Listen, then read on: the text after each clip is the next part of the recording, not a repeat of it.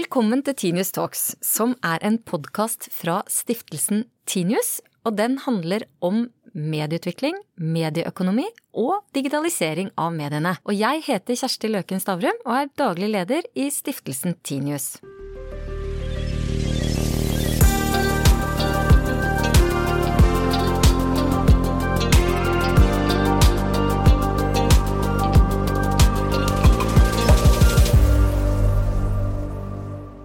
Denne gangen skal det handle om kamp på liv og død. Det skal handle om sport og spill, det skal handle om eh, verdensklasse og om medieøkonomi og medienes framtid. Og til å snakke om alt dette har vi de beste folka, vil jeg si. Vi har hentet Jonas Alsaker Wikan ned fra Trondheim for å delta i denne podkasten. Og fra Akersgata og VG har vi hentet eh, Ola Stenberg, som er digitalredaktør i VG. Jeg må begynne med deg, Jonas. Du er gravende journalist i Adresseavisa. Eh, men det er egentlig ikke derfor eh, du er her nå, fordi du er en av verdens beste på e-sport. Jeg tror vi må inn med et var der, altså. Men ja, det Hvis alle andre studerte, så eh, holdt jeg på og konkurrerte i Counter-Strike, som fortsatt er et av de mest uh, populære spillene. Mellom 2001 og 2006. Og så har jeg hatt ulike roller i, i e-sport. Jobba ti år i Adresseavisa og begynte med undersøkende journalistikk der i en årrekke, før jeg plutselig i fjor tok et, fikk et tilbakefall og begynte i, i ESL, da, som er e-sportverdens største selskap for arrangement og, og konkurranser. Hvor mange vil du si i spillsamfunnet i verden vet hvem du er, eller ditt, uh, ditt spillenavn BSL? Litt sånn kleint spørsmål. Det er mye mer komfortabelt å svare på sånne spørsmål i utlandet, for der er det ikke så norske og, og, og sånn. Men eh, det hender fortsatt at jeg blir eh, stoppa på gata av folk som vil ha en selfie eller en, en autograf og sånn. Det er bare litt sånn som, sånn som det er, altså. Vi skal jo snakke om hva det Jonas nå har innledet så vidt om hva det har å gjøre med VG og mediebransjen. Men for å liksom starte et annet sted, skjønner folk, voksne folk, hvor svært e-sport der? Det er veldig mye vi ikke vet om dette. Veldig mange har ikke tatt inn over seg denne enorme utviklingen, og jeg vil kanskje kalle det samfunnsendringen, for dette er en samfunnsendring. Nei, for jeg er jo for eksempel en mor til noen barn som, som jeg med bekymring har sett at holder på med Fifa, eh, og nå selvfølgelig Fortnite, og da lurer jeg liksom på, Jonas, hvor dum går det an å bli?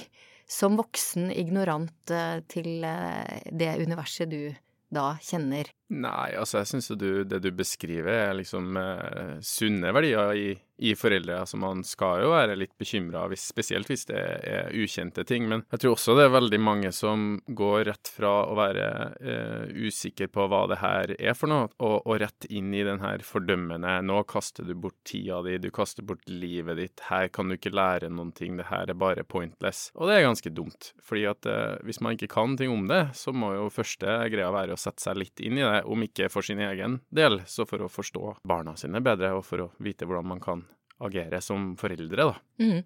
Og nå har vi stupt inn i eh, noe som vi da kaller e-sport, og så har jeg skjønt at vi er, må være veldig presise med å skille e-sport fra gaming. Men hva er forskjellen da på e-sport og gaming? Kjapt oppsummert så er det litt sånn bredde og, og øverste, øverste nivå. Um, jeg tror det er noe sånn som 95% av alle norske unge eh, driver med spill i en eller annen form, og det vil jeg kalle gaming. E-sport, da snakker vi om konkurranse i ett spill på toppnivå, og da er det gjerne sånn at de spillene som man konkurrerer i, som man fortjener å bli kalt eh, e-sport, da det er spill som har utvikla seg over, over, en viss tid. Altså når man, når man eh, driver med e-sport i verdenstoppen, da er det også sånn at du som aktør skal ut og konkurrere, så kommer du altså inn på en stadion som om det var en fotballkamp, og der sitter det hvor mange tusen tilskuere?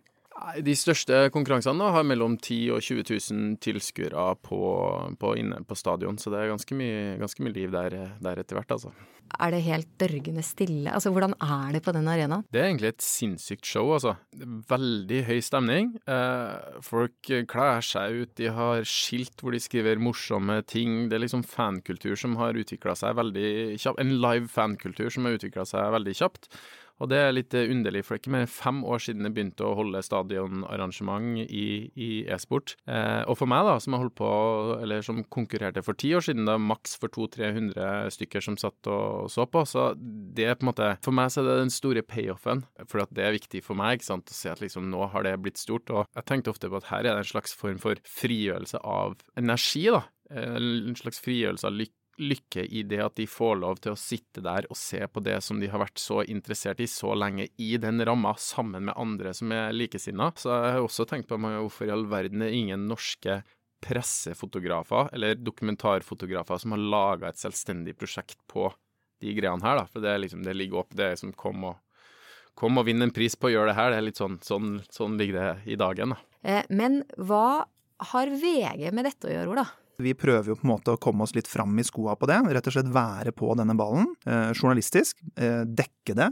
Eh, det kan jo spenne fra faktisk eh, berette fra begivenheter som har vært, eller å forklare, eller å rett og slett gå inn i hva skal jeg si, om, produktomtaler og den slags, da, for dette er jo et, veldig, sånn, dette er et bredt, eh, bredt område. Så det er jo del én av hvorfor dette er viktig for oss. Og så er vi jo midt i en fase nå hvor vi må finne ut av om vi kan gjøre mer enn å bare dekke det tradisjonelt journalistisk. Skal vi inn og se på rettigheter, f.eks., er jo et spor nå. Det, og det er jo i en fase nå hvor vi eksperimenterer litt, vil jeg si. Så for VG konkret da, så har jo vi eh, sendt Telenor-ligaen. Veldig spennende test for oss. Men er det bare unge guttelesere som vil være interessert i dette? Nei, definitivt ikke. Dette er, dette er, også, dette er også noe for jenter. Vi er så heldige VG å ha en, ha en, kvinnelig ansatt som kan mye om dette. Som bl.a. har skrevet en, en, skoleoppgave om det, som har si, gitt oss mye nyttig lærdom. Da.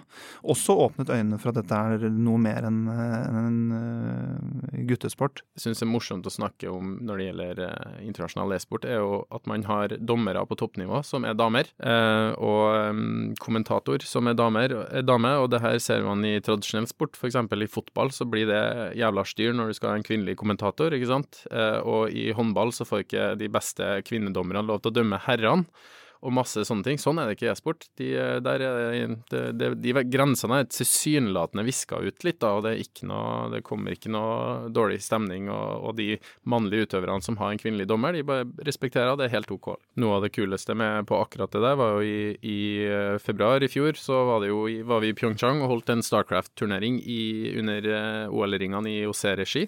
Og da var det 15 deltakere, 14 mannfolk og ei dame. Uh, I ja, Starcraft kan kanskje beskrives som Sør-Koreas form for langrenn. Altså, de skal være best. Det er liksom en del av nasjonalidentiteten at de skal være best i Starcraft. Og hun dama hun var fra Canada og slo fire sørkoreanere og vant hele greia. Så for e-sport så var det en helt fantastisk story, da. Du, du som da har vekslet mellom journalistikken og, og e-sport, eh, hva, hva, hvor burde mediene ha vært nå, og hva kan de utnytte dette til? Jeg tror eh, for media sin del så er det litt som man kan lære av eh, snowboard og, og skating og hvordan det der fungerte for, for 20 år siden. Da man også, lå man også bak. Det var mye kritikk i samfunnet. Det var mye kritikk i idretten om ja, er det her idrett, eller det er jo bare en tullinger som hopper på med et brett og snurrer rundt. og det er mye likhetstrekk der. så Det aller første man må gjøre, er å opparbeide seg kunnskap eh, og kompetanse på det her. Og så må man, som han også er inne på, da, må ta det eh, seriøst og være ydmyk på at man ikke kan så veldig mye, og da er man liksom godt på vei, da. Jeg snakka litt med mine tidligere sjefer om det i går, for jeg fortalte at jeg skulle på den podkasten her, og sånn sa at det er litt sånn snedig å se i Norge, fordi at i Norge så er det, det er mye i mainstream-media om e-sport. Og sånn er det ikke nødvendigvis i eh, sørover i Europa. I Danmark og Sverige så er det ganske bra på det, men sørover i Europa så er det ikke så mye på det. Der er det mer sånn det drives av seg sjøl gjennom selskap og sponsorater og sånn, mens mainstream-media har på en måte ikke våkna helt opp. Utfordringa her tror jeg er å forstå da, at det her vokser jo også av seg sjøl. Helt uavhengig av mediebransjen og når et globalt publikum. da. En måte å angripe dette på er at ok, la oss som medie knytte til oss noen influensere på dette. Og det er jo mulig. Jonas kunne jo for så vidt vært en av de. Men det er kanskje ikke nok av de, og da må man begynne å se ut i den store verden. Og de har allerede et så stort publikum gjennom enten egne kanaler eller andre store globale aktører at det er vanskelig. da. Så dette er jo litt sammensatt også. Men hva, hva håper VG å få ut av det at dere nå da har gått ut og sagt at dere satser på e-sport. Nei, jeg tror eh, for, for, oss så handler det, som jeg sa i stad, først og fremst om å, uh, om å, ha dette som en del av det vi, uh, det vi definerer som viktig for folk. Dette er jo eh, potensielt en idrett, sport, som kommer til å bli definert på lik linje med langrenn og annet i fremtiden. Jonas dro parallellene til skateboard og snowboard. Det tror jeg man må ha i tankene når man tenker på hva skal dette være i fremtiden. Er dette en OL-gren noen år frem? Ja, men så kan ikke vi sitte og sove nå, da må vi være aggressive i tilnærmingen til det. Hvis det er én ting bransjen sannsynligvis har lært, og da snakker jeg ikke om liksom VG og Dagbladet, men hvis du går til store, tradisjonelle medier som for eksempel ISBN, så var det nok noen styremøter der når de så hvordan Twitch uh, liksom angrep dette. Hvordan de valgte å broadcaste denne sporten versus hvordan de har uh, gjort det tidligere. da. Så det er, sant, det er, store, dramatiske endringer, og det er krefter utenfra, eller utenfor det tradisjonelle, som påvirker det. Kan man bruke de tradisjonelle journalistene i staben til å dekke dette, eller, er, eller skjønner de ikke hva, som, hva de burde legge vekt på, Ola? Ja, man kan jo det, men det er jo da eh, gitt at de kommer opp på et nivå i, i, i kunnskap som er, som er bra nok. Men la meg heller si her må vi eh, lete etter ny kompetanse. Ja, Jonas, altså nå så jo ikke de som lytter eh, på dette deg, men det så faktisk ut som du vrei deg i smerte når jeg spurte om man kunne bruke tradisjonelle journalister til dette. Ja, men det er mest fordi at jeg er uenig med Ola, fordi at jeg syns svaret er ja, helt åpenbart. Eh, og det er ikke så jævlig vanskelig heller. Det handler jo bare om at man er interessert i å, å teste det ut, og så er det det man skal gjøre, er at man skal snakke med utøvere. Hei, hvordan, eh, hvordan gikk det i dag, syns du? Du trenger ikke engang vite hva spillet heter, liksom. Hvordan gikk det i dag? Å ja, gikk det dårlig? Ja, hvorfor gikk det dårlig? Altså, det de generelle spørsmåla der, og så bygger man liksom kompetanse på vanlig journalistisk uh, vis. Fordi de ikke stiller andre spørsmål enn 'hva føler du nå?'-spørsmål, er det det de sier? Nei, men det er der du kan begynne, ikke sant. Du kan begynne å jobbe deg inn, inn med det, og så finnes det, som Ola sier, altså denne verden her, fordi at mainstream-media har gitt helt blaffen i e-sport i 20 år, så har det jo utvikla seg en parallellverden hvor det er egen e-sport-media, hvor uh, folk som har vært interessert i e-sport, uh, har og liker å skrive har drevet og skrevet om, eh, om e-sport på, på, de her eh, nettsidene og sånn, og de, jo, de folka finnes jo der ute. De kan jo allerede skrive, de kan mye om, om spillene og sånn, og liksom det å trene de journalistiske metoder, det er heller ikke så veldig vanskelig. sånn at det, akkurat det der, det tror jeg ikke er noe Det er det minste av problemene med. Det må jo bli sånn at våre håper å si, tradisjonelle, hvis vi skal definere det som det, journalister, eh, må ta inn over seg at dette er noe nytt som kommer. Så om det er VG-sporten, ja, men så må VG-sporten og de som jobber der, ta inn over seg det. Bare så det er helt klart, da. Ja, og den, hvis man tar inn over seg da at det, dagens unge mediebrukere har, den, har spillkompetanse som en del av sin, ja, sine grunnferdigheter, så burde det kanskje også prege journalistikken i et mye større perspektiv, da? Kanskje en eh, riktigere tilnærming er at med denne industrien så kommer det en endring i hva folk er opptatt av. Veldig mange mennesker, 95% så det er liksom én stor endring vi må ta inn over oss. Også med denne hva skal jeg si, industrien så kommer det også store teknologiske eh, endringer som vi som tradisjonell mediebransje må ta inn over oss. Jeg var så vidt innom det i stad, men måten dette broadcastes på f.eks. er jo utrolig spennende. Hva, hva, om vi hadde putta femmila inn i det formatet? Hadde det gjort det litt morsommere å se på femmila? Så liksom Den type endringer syns jeg er sånn spennende å reflektere over, da. Og det syns jeg òg. Eh, og da må jeg jo spørre deg, Jonas, for du har jo mange talenter. Du er jo ikke bare en verdensmester eh, eh, i e-sport, men du er jo også en prisbelønt gravejournalist. Og i hvilken grad har da denne e-sport-bakgrunnen din gjort deg til en god gravejournalist, eller er det to helt forskjellige ting? Nei, Det der er jo aldri noen som har spurt meg om før. Det har jeg syntes har vært litt uh, merkelig. Eh, også i forbindelse med når jeg fikk jobb som journalist, for det der var jeg veldig bevisst på. Eh, når jeg holdt på med e-sport, så lærte jeg eh, hvordan man forbereder seg eh, hvis man har et mål, hvordan man jobber mot det målet, både en, eh, hvis man er alene og på lag, eh, og konkurransetilnærming til alt det man holder på i, liksom for å bli bedre, da. Eh, for å sitere den argentinske fotballspilleren Diego Simone, han ble spurt om spillestilen sin, så sa han at han spilte med kniven mellom tennene, og litt sånn hadde jeg når jeg begynte med journalistikken, da jeg skulle bli best mulig, eh, og trakk på de tingene som jeg hadde lært gjennom e-sport-greia. Og så det andre med det som kanskje er litt morsomt, er at hvis du holder på med undersøkende journalistikk, da, eh, kanskje spesielt der, så møter du sinnssykt mye motstand hele tida. Det er vanskelig, og det er kjipt, og bare dårlig stemning.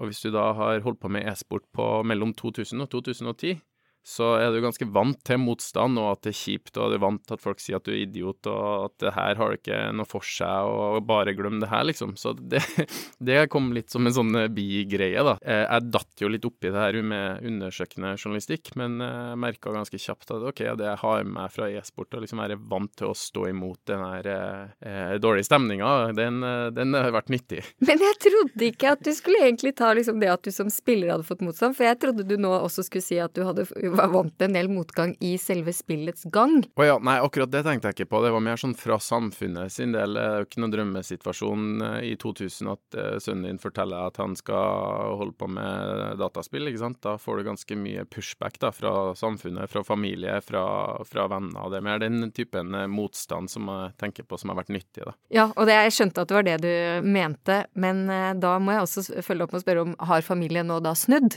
Er de, forstår de hva du egentlig har brukt all tiden din på? Ja, men eh, der var det sånn for meg at familien min eh, de snudde rimelig tidlig, da. Så la oss da si etter et halvt år eller noe sånt, når de så at jeg fikk reise rundt. For det var i utgangspunktet min motivasjon. Konkurrere, og så få reise rundt i, i, verden. Og med en gang de så det, så, så syntes de det var kult å ha liksom, vært komfortabel med det valget hele tiden, da.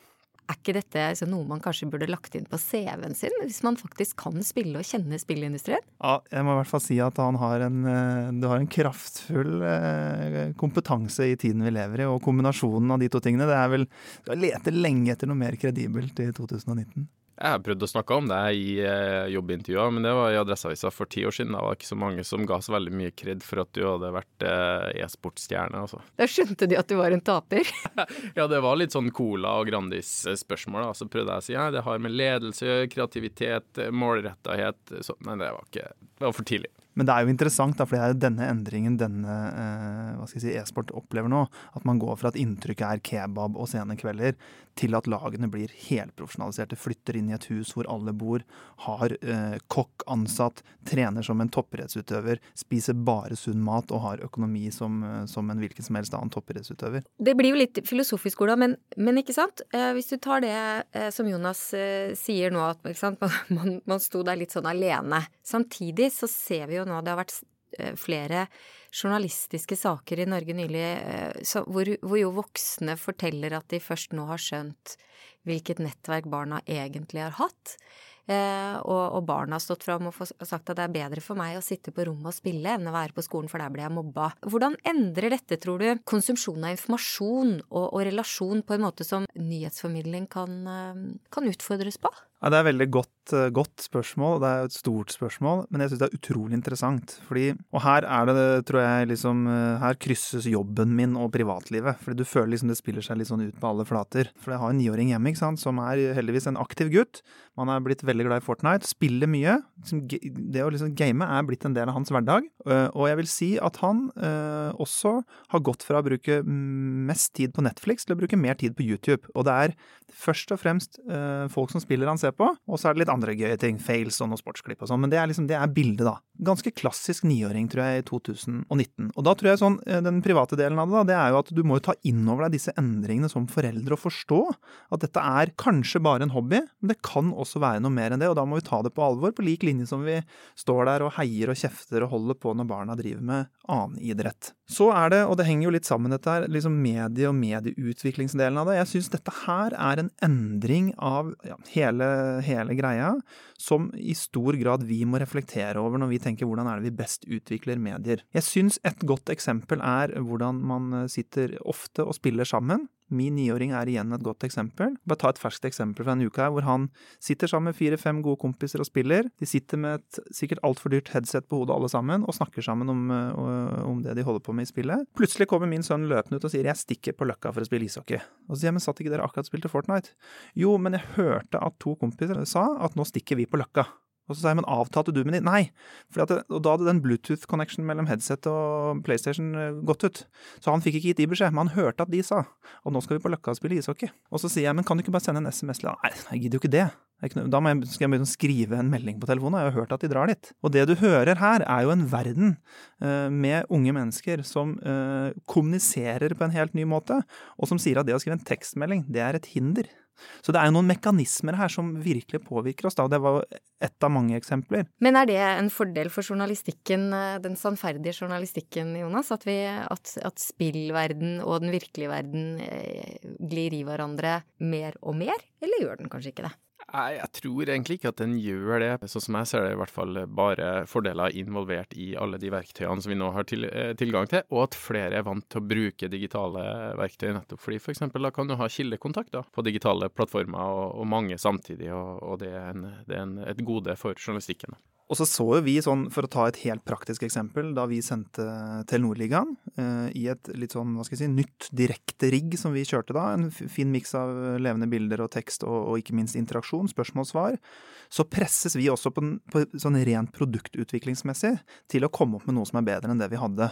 Fordi her kommer, eh, her kommer uh, brukerne fra uh, f.eks. Twitch og er vant til noe, og så kommer de til oss, og da må vi definitivt uppe game og tenke nytt. Så vi blir jo også ut utfordra når, når, vi tar i dette når det kommer til rett og slett brukeropplevelse. Når du, Jonas, eh, graver fram ting fra det mørke nettet og, og andre saker som du har vunnet priser for, har du noen gang brukt liksom, spillformidling som, som, ja, som, metode når du skal få det fram til leserne, eller du, er det noe man burde kunne bruke? Ja, i aller høyeste grad så er det noe som eh, noen eh, kunne bruke. Og det har jeg hatt en sånn eh, Jeg jobber veldig tett med en utvikler i Adresseavisa som heter Jonas Nilsson, på mange av de her store prosjektene, spesielt når det handler om teknologi og sånn, fordi eh, sånn piksler og IP-adresser blir veldig fort abstrakt. Da, så da må man gjerne gjøre noe ut av den digitale fortellermetoden. Vi har ikke klart å formidle noe som et spill eller med spillgrep ennå, rett og slett fordi at det har dreid seg om alvorlig Altså temaet har ikke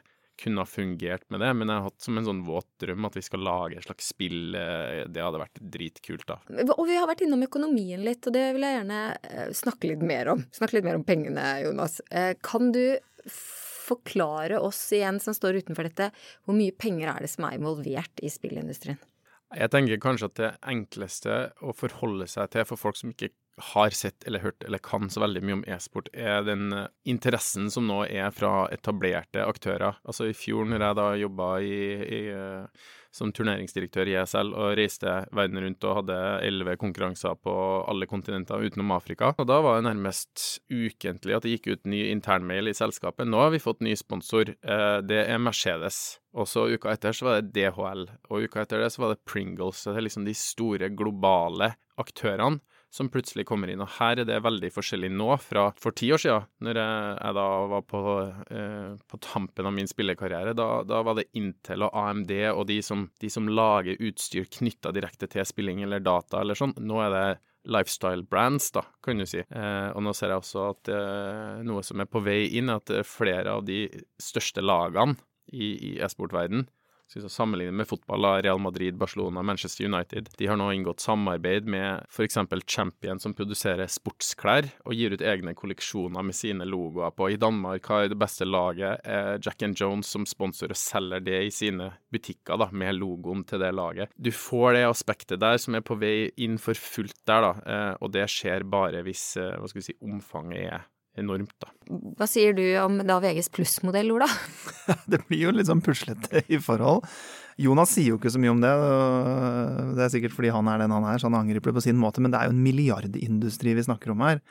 Og vel, Jonas, er det vel riktig at både lag og spillere har jo nå verdier eh, i likhet med de største fotballklubbene og fotballspillerne i verden? Ja, eh, det, det, er jo en interessant diskusjon der med hvordan man eh, setter verdi på et sånt e-sportlag, men, eh, men, jeg registrerer at de verdiene er i ferd med å gå veldig opp i taket. og I tillegg så er det også sånne store hedgefondaktører som, som pøser penger inn i de ulike brandsa. De, men det handler jo om at de ser hvor mange de når, ikke sant.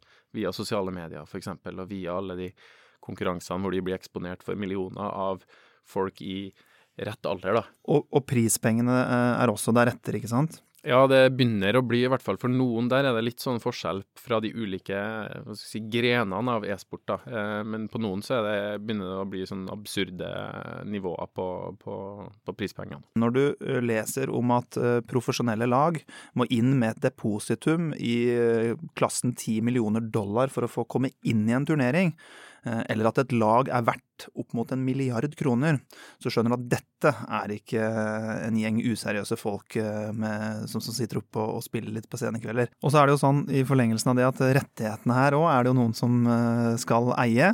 Også en litt annen modell i denne verden som, som Jonas kan, kan, fortelle mer om. Ja, det er klart det. Det som er mest interessant der, kanskje, er at de som ser på det her, de ser det gjerne på Twitch eller, eller YouTube. De største konkurransene de sendes der fordi at man inngår avtaler. Det er egentlig som tradisjonelle TV-avtaler. altså Man selger innholdet sitt. Nå skal vi arrangere fire store internasjonale konkurranser, ikke sant. Og så kommer Twitch og foreslår ja, det vil vi kjøpe eksklusivt for X. Og så gjør YouTube det samme, og så er det en sånn budkrig der, da. Eh, og sånn funker det internasjonalt med de, med de, største der. Vi hadde en kjempegreie i min, mitt siste halvår i ESL, hvor vi eh, solgte rettighetene eksklusivt til Facebook. For Facebook har jo skjønt at eh, vi holder på å miste Det er ingen under 15 eh, som bruker oss, ikke sant? Så de skulle på banen med gaming, og, og det var en eh, voldsom sum, da. Eh, så det var en no-brainer for ESL å flytte over på det. Men eh, der ble det der, det var ikke, Facebook hadde ikke laga infrastrukturen sin klar for de som skulle se på, og da får du det problemet så hvis du ikke gjør det skikkelig, hvis du ikke er ydmyk overfor de folka som skal se på det her, så får du liksom det hagler med, med dritt på, på internett. Da. Altså, de er veldig opinionated i hvordan de hva, Hvor dårlige du syns du er, da. Og Jonas, du har jo selvfølgelig gode kontakter inn i dette miljøet, og alle vet jo at alle miljøer har jo sine greier og sine konflikter og, og, og sin uenighet. Og kan du på en måte røpe litt av hvilke, hvilke motsetninger er det som råder nå i e-sportverden, hvor man nå får, et, får, en voldsom interesse fra folk som altfor lenge selvfølgelig ikke har fulgt med i timen, og, og i hvilken grad syns man det er ålreit å da bli løfta fram, eller skulle man gjerne likt at dette fortsatt var en eh, ja, gutterom slash tenåring? Læringsrom-ting? Nei, altså det er et eller annet midt imellom, og det er et veldig godt eh, spørsmål og et godt eksempel. For at e-sport har vært, i hvert fall de siste årene, og eh, 15-16 fram til 17 kanskje, så har det vært litt sånn man er usikker på om man har syntes at det har vært kult at man har hatt sin egen boble, uten Mercedes og DHL og Pringles, for de kommer jo selvfølgelig inn med sine krav til hvordan det skal være og sånn. Og så har man akseptert at bare hei, vi vil at det her skal bli større, vi vil at det skal være anerkjent på linje med annen sport. Vi vil at det skal være i OL, vi vil ha utøvere som tjener så mye at de kan gjøre det på fulltid. Det var helt ellevilt å være en del av den bransjen i fjor, altså. Hastigheten her er ulikt noe annet jeg noen gang har sett, da, sant. Eh, og det krever jo selvfølgelig at man må jobbe mye, men det er noe med det at du liksom du føler nesten ikke at du rekker over. Også når du har vært i mediebransjen, hvor pilene har pekt nedover og nedover og nedover, og så plutselig så peker alle piler opp. Altså det er nesten en sånn eh, Klondyke-stemning eh, med e-sport. Ligger også et stort ansvar i å forvalte det der på en fornuftig måte, liksom. Ja, Ola, nå hørte jeg Klondyke, vet du, og da tenkte jeg er det, er det, er det Klondyke dette for VG? Er det så viktig, eller er det bare litt artig? Ja, dette er viktig. Dette er kjempeviktig. Så, så, det er definitivt artig også, fordi det er noe nytt, og det trenger vi eh, og syns er gøy. Men, men, dette er viktig, så det, det, kan vi bare slå fast at uh, nå er det ikke tid for å sove i timen. Nå er det ikke tid for å sette seg ned og tenke at ok, vi får se det an litt, og så, og så, tar vi det litt som det kommer. Her må man være på ballen. Altså, sist jeg sjekka, så hadde Twitch godt over 100 millioner unike brukere eller noe sånt i måneden, denne streamingtjenesten. Det er jo noe helt vanvittige tall.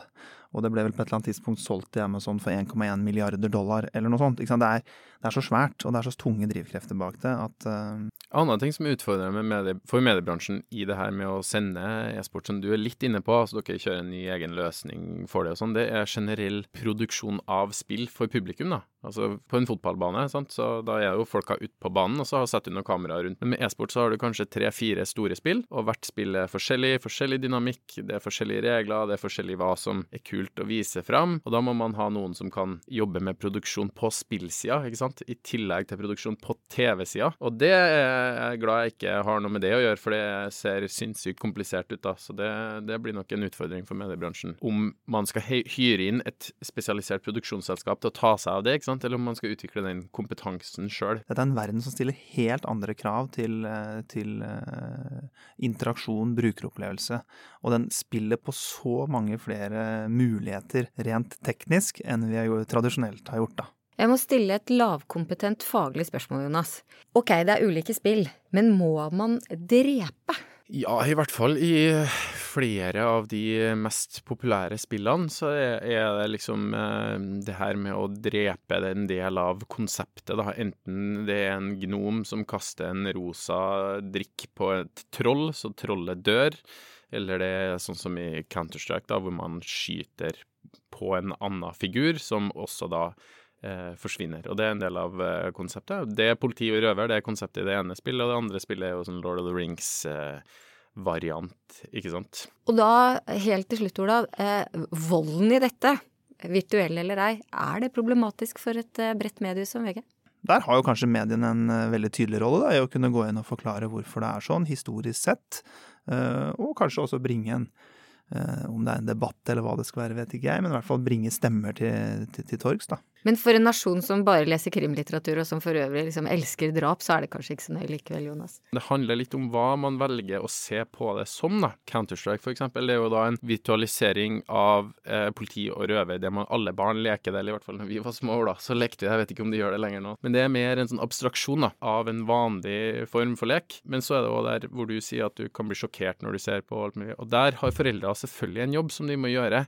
Er det riktig at niåringen spiller Counter-Strike? Det vet ikke jeg, det tror ikke jeg kommer til å tillate min niåring å gjøre. Er det riktig å spille Fortnite, som er essentially samme greia, med en mildere grafisk uttrykk? Det kan være. Men de tingene der, de vurderingene der, det får man ikke til å gjøre hvis man bare sier nei, nei, herregud, det her er farlig, de skyter på hverandre. Punktum. Det er for enkelt. Da eh, er det bare å skaffe seg et konsoll, eh, og så er vi i gang her, tenker jeg. Eller så kan man sitte og reflektere litt filosofisk over hva gaming og e-sport faktisk kommer til å gjøre, fordi det er så på alles lepper for tiden og kommer til å prege redaksjonene på ulikt vis. Tusen takk til eh, Jonas Alsaker Wikan, som er til daglig gravende journalist i Adresseavisa, men som også har agert i verdenstoppen på innen e-sport, og Ola Stenberg, som er digitalredaktør i VG. Takk skal dere ha.